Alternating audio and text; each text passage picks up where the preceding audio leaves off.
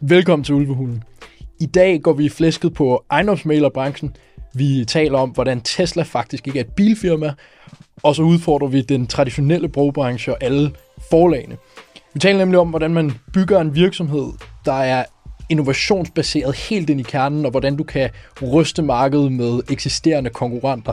Hvorfor du ikke skal lede, hvor konkurrenterne er, men du skal lede, hvor kunderne er. Den 28. februar lancerer Wolfpack Danmarks billigste firmakort, og du kan få gratis firmakort, hvis du går ind på wolfpack.dk-launch og skriver dig op. Vi lancerer Danmarks letteste transaktionsflow, og det betyder, at du kan håndtere alle virksomhedens udgifter i et system. Det er altså fra digitalisering af din bilag, som bliver lovpligtig den 1. juli, til godkendelsen af dine udgifter, betalingen og bogføringen af dem. Skriv dig op på wolfpack.dk og få gratis firmakort, når vi lancerer den 28. februar.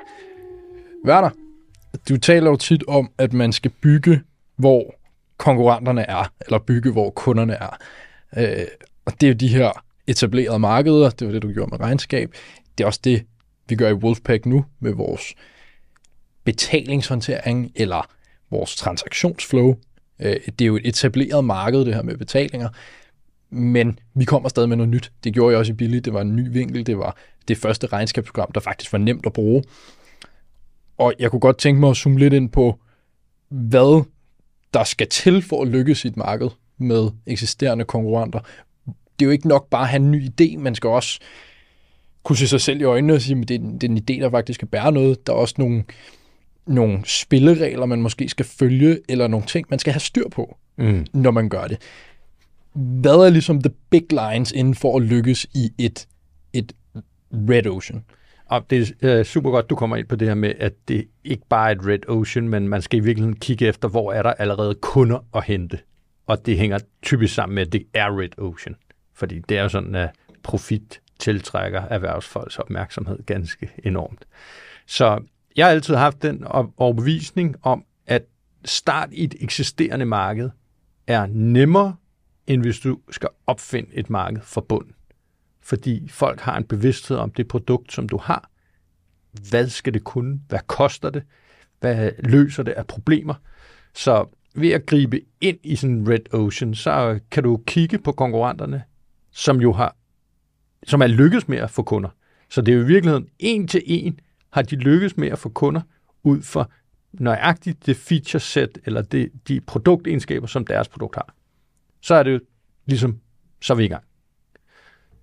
Det næste er, hvis du skal sælge noget, så skal det være billigere, det skal være bedre, mere tilgængeligt, eller en række andre ting. Og som iværksætter og innovatør bliver man nødt til at tage den kasket på og sige, okay, hvad er det, vi kan gøre anderledes? Hvordan kan vi differentiere os i forhold til det nuværende marked? Der skal være en årsag for kunden eller brugeren til at skifte over til det, du kommer med. Eller en årsag til nye kunder, der kommer ind på markedet, siger, jeg vil vælge dit over konkurrenternes. Der er selvfølgelig også de tilfælde, hvor konkurrenterne øh, er så ukendte, at en ny bruger ikke vil vide, at de eksisterer. Men, men i udgangspunktet må man regne med, at brugerne er nogenlunde oplyst. Det er rimelig tilgængeligt data i dag og information omkring produkter og marked, så de kan nok godt finde nogle konkurrenter. Og deraf er vigtigheden differentiering, som jo ikke er noget, jeg har fundet på. Det er jo mange, der har skrevet om det, men især Michael Porter har skrevet om det. Jeg har øh, måske min tidlige dag ikke været opmærksom på at gå ind i Red Ocean. Der tænkte jeg, hold kæft mand, hvordan kan det være, at vikarfirmaer ringer ud til alle deres vikarer og spørger, om de kan arbejde som socioassistenter? Det er da super problematisk og tidstungt. Kunne man ikke lave det med et software i stedet for? Det gjorde jeg sammen. Der var bare ikke nogen, der ville øh, bestille vagter over sms. Det var sådan, nej, vi skal ringe til dem. Så der ramte jeg jo ind i Blue Ocean. Der var ingen spillere, der leverede vikarer ud på et marked via telefon og sms, eller via sms, og apps eksisterede ikke på det tidspunkt.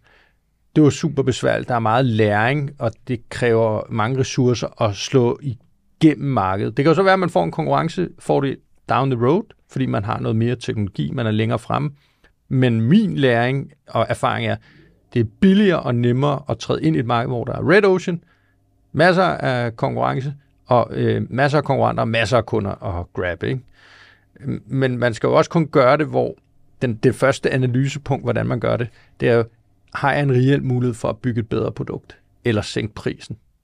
Og det der med at sænke prisen er jo ikke sustainable, men det er jo en det er jo en rambuk ind i, en, i et marked. Så man kan jo godt starte med at komme ind på et lavere prispunkt, men så skal man jo stadig have en plan for, hvordan kommer man videre derhen, hvor man så ender med også at have et bedre produkt, eller et produkt, som kan noget andet end konkurrenterne. Det er jo sådan en virkelig vigtig pointe, fordi jeg har mødt masse dygtige mennesker, som negligerer det der med at have en, jeg vil have en billigere pris, eller en lavere pris end konkurrent. Det er sådan, det er jo ikke holdbart. Nej, nej, men prøv at vågne op. Alle har en, en eller anden grad af prisfølsomhed. Så er det et spørgsmål, om du er et marked, hvor at elasticiteten er, er, er meget eller lidt, men i udgangspunktet vil pris altid være noget, som er et parameter, når brugere eller kunder vælger dit produkt. Og der behøver du ikke at beskrive produktdetaljer og alt det nitty-gritty. Det er bare et punkt, som er et checkmark for de fleste kunder. Hvad koster det i forhold til konkurrenterne? Så derfor er det et effektivt, og jeg mener virkelig, noget man skal tage til sig. Øh, men, men, men det er ikke nok. Det er jo ikke bare at være sådan, okay, billigt, fordi de store, sådan helt teoretisk set, kan sænke deres priser, så du taber penge i en periode, og så er du swipet væk, ud af markedet, og så kan de hæve priserne igen. Så du bliver nødt til at have step 1, det er at komme ind billigt i markedet. Så har folk måske heller ikke helt de samme høje forventninger som et dyre produkt, men med tiden, så laver du dit produkt bedre, kommer med, hvis det er et softwareprodukt, flere features, og så er det også okay at hæve prisen. Det vil dine kunder typisk også acceptere, uden at de føler det som øh, bundefangeri, men virkeligheden bare anerkender, at produktet er blevet bedre. Det er derfor, det koster noget mere, end da vi startede for tre år siden. Øh, lige præcis, hvorfor jeg skal holde fast i de her priser, det er, at eksisterende virksomheder har i udgangspunktet svært ved at sænke deres priser. De kan, ikke, de kan jo godt gøre det over en periode, men de bygger jo deres forretning op omkring en vis prissætning og en vis omsætning. Så det der med at gå lige to skridt tilbage, det, det er meget sjældent, det sker. Øh, og nu kan man jo se, Tesla er jo et godt eksempel. De sænker prisen med 50.000 kroner, og så går der Gud hjælp med under et halvt år, og sænker de lige stort set 50.000 kroner igen. Det kan de eksisterende selskaber slet ikke følge med. Nu bliver de nødt til at gøre det, men det er jo sindssygt dyrt for dem at gøre det. Så der er jo en, en virkelig effektiv mekanisme for at holde, øh, holde væksten i gang for Tesla. Og det samme kan, kan små virksomheder gøre. Jamen, det giver jo god mening, og jeg tror også eksemplet med Tesla er noget, man kan lære af. Den her, for det første, relativt aggressive, øh, eller meget aggressiv prisstrategi. Øh, det er jo også et så kendt firma, at når de sænker deres priser, så kommer det altså i medierne. Det bliver dækket. Der er ikke mange danskere, som, som lige overser, når man nu bliver Tesla billigere, fordi det er noget, der bliver talt så meget om. Men Tesla er jo også et produkt, der efterhånden er så langt. Det er jo ikke bare en elbil, det er jo ikke bare en, en anden måde at komme fra A til B på, udover at det er en lille smule lettere. De har virkelig nailet softwaredelen også. Altså, der er ikke super mange andre biler, hvis nogen, hvor du kan spille Mario Kart og styre med dit eget ret.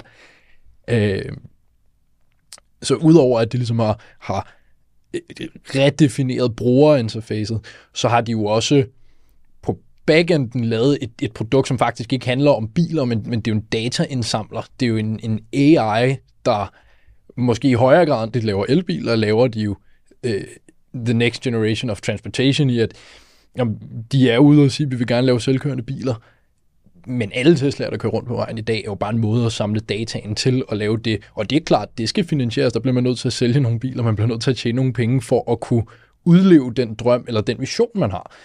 Men det er da meget, meget tydeligt at se, at Tesla det er jo ikke bare et bilfirma. Det er jo ikke bare transport. Og det er jo det, der er hele kernen med Tesla, som jeg tror, der er mange, der har overset, især hvis du går nogle år tilbage. Da jeg boede i San Francisco, kørte der jo Tesla rundt. Der var ikke en forhandler, hvor jeg tænkte, okay, det er godt ting. De kom jo hjem til dig på adressen, hvis du skulle prøve deres bil. Og det var da første gang, der var en bil, der havde overhældet min Porsche. Det var da en Tesla. Og jeg tænkte, okay, de har jo fat i noget. Du får hastigheden, convenience ved, du skal ikke ned og tanke og stå og svine med benzin og så, øh, så øh, en rimelig smart bil. Altså, den ligner lidt en Ford Mondeo, sorry. Den er ikke, det er ikke designet, de har. Så har de prøvet med deres X, den er, den er lidt bedre. Men, men det er jo netop et klassisk eksempel på, de er inde i en kategori, der er hård konkurrence. Det er bilmarkedet. De har så bare lige valgt at sælge en elbil. Det var der ikke mange, der gjorde, da Tesla kom. Plus, de er jo et softwarefirma, så de går ind og konkurrerer i et red ocean, hvor det, der er rift om bilkøber på en helt anden præmis. Bare sådan, vi er et softwarefirma, vi laver software, som også øh, du selv nævner. Vi laver bare dataindsamling. Prøv at høre, vi skal måske ikke engang tjene penge på at bygge biler. Men den data, vi får ind til vores AI på alle mulige måder, er 10 gange mere værd, end hvad vi kan tjene ved at sælge en bil. Og der er det jo der, hvor folk hvor står med bukser ned om anklerne. Og øhm, det er et ret godt eksempel på, hvor man siger, Tesla ved jo godt, de kan jo ikke bare øh, sænke prisen hele tiden. Det er jo race to the bottom. Men de sidder jo bare koder for fuld hammer samtidig med. Så øh, det understreger virkelig også bare min pointe omkring, du kan godt lege med priserne, fordi du vil tjene pengene et andet sted. Eller du vil bygge et andet produkt, end det konkurrenterne har. Og det er jo virkelig det, øh, Tesla gør. Og øh, så er det, da en, det er jo en, en, en, en nice feature, at man kan sidde og spille computerspil ind i bilen, men det understreger virkelig bare deres kernemission i at være et rigtig godt software- eller AI-firma. Ja. Det er en sjov pointe, du siger med, at, at Tesla allerede, da du boede i USA, øh, havde droppet forhandlerne. Det er også sådan, nu mener jeg faktisk, der er Tesla-forhandler i dag, men du kan jo gå ind og fuldt ud købe en Tesla på deres hjemmeside, betale med dit kreditkort, og så kommer der en Tesla hjem til dig. Det er altså ligesom at købe på en webshop. Og det er jo en, en, en sådan rimelig... Dengang var det en 100% meget innovativ strategi, og det vil jeg også sige, det, det er det stadig. Altså det, det er ikke sådan, at du lige kan gå ind på Volvo og swipe dit kort, og så men er det, ikke. Men er det ikke sindssygt, at på trods af, at de har gjort det i over 10 år, så er det ikke blevet markedsstandarden nu? Jo, og det er måske tilbage til det, vi talte om i sidste episode, det her med, med råderummet eller rammerne for innovation, at hvad er det, de store spillere kan, og hvad er det, de små spillere kan. Og nu er Tesla jo blevet en rimelig stor spiller, men, men det er jo så forgrenet i deres natur eller deres kultur, og det, de rammer, de har bygget for sig selv, at de kan faktisk tillade sig at, at, at gøre tingene på en anden måde. Men det er jo fordi, de byggede den vej fra ja. starten af. Tesla kan måske ikke blive super succesfuld, hvis de siger, nu skal vi lave privatfly. Altså, det, det er jo et andet marked, det er jo en anden vej. Men jeg kan så sige, hvis de vil lave øh, helt... Har lige sendt nogle raketter afsted. De er ikke godt nok Tesla, men det er rigtigt. samme fagner. Øh, men, men, men det er jo det her råderum. Øh, den med at droppe forhandlerne får mig lidt til at tænke på øh, Estaldo, det her danske startup, som er i gang med at... Ja, Jakob. Ja, lige præcis, som, som er i gang med virkelig at rykke til øh, ejendomsmalerbranchen. Den her, man kan nok kalde den rimelig Konservativ. Konservativ, måske også gå langt og kalde det en lille smule gammeldags branche. Du har en ejendomsmaler, der skal håndtere noget papirarbejde. De skal ud og tage nogle billeder af dig. Der, jo større arbejdsmængde der ligesom er, jo mere koster det også bare brugeren. Øhm, der er også nogle, nogle fremvisninger, som jo faktisk er det, Staldo øh, ligger over på, på selve sælgeren, eller den, der ejer det hus, der bliver solgt, ja. eller lejlighed. Øhm, og det er måske bare et andet eksempel på, hvordan det, man skubber til, til en branche, den her distributionsform. Der men det er jo et rigtig godt eksempel på, der er sindssygt mange ejendomsmalere. Altså, de er jo på et hvert gadehjørne. Og de har i, i store træskolængder den samme model. Det er, at man får taget nogle billeder, man får lagt det op, og så når huset bliver solgt, så får de et stort honorar, hvis det bliver solgt. Også nogle gange, selvom det ikke bliver solgt, får de stadig ikke noget betaling.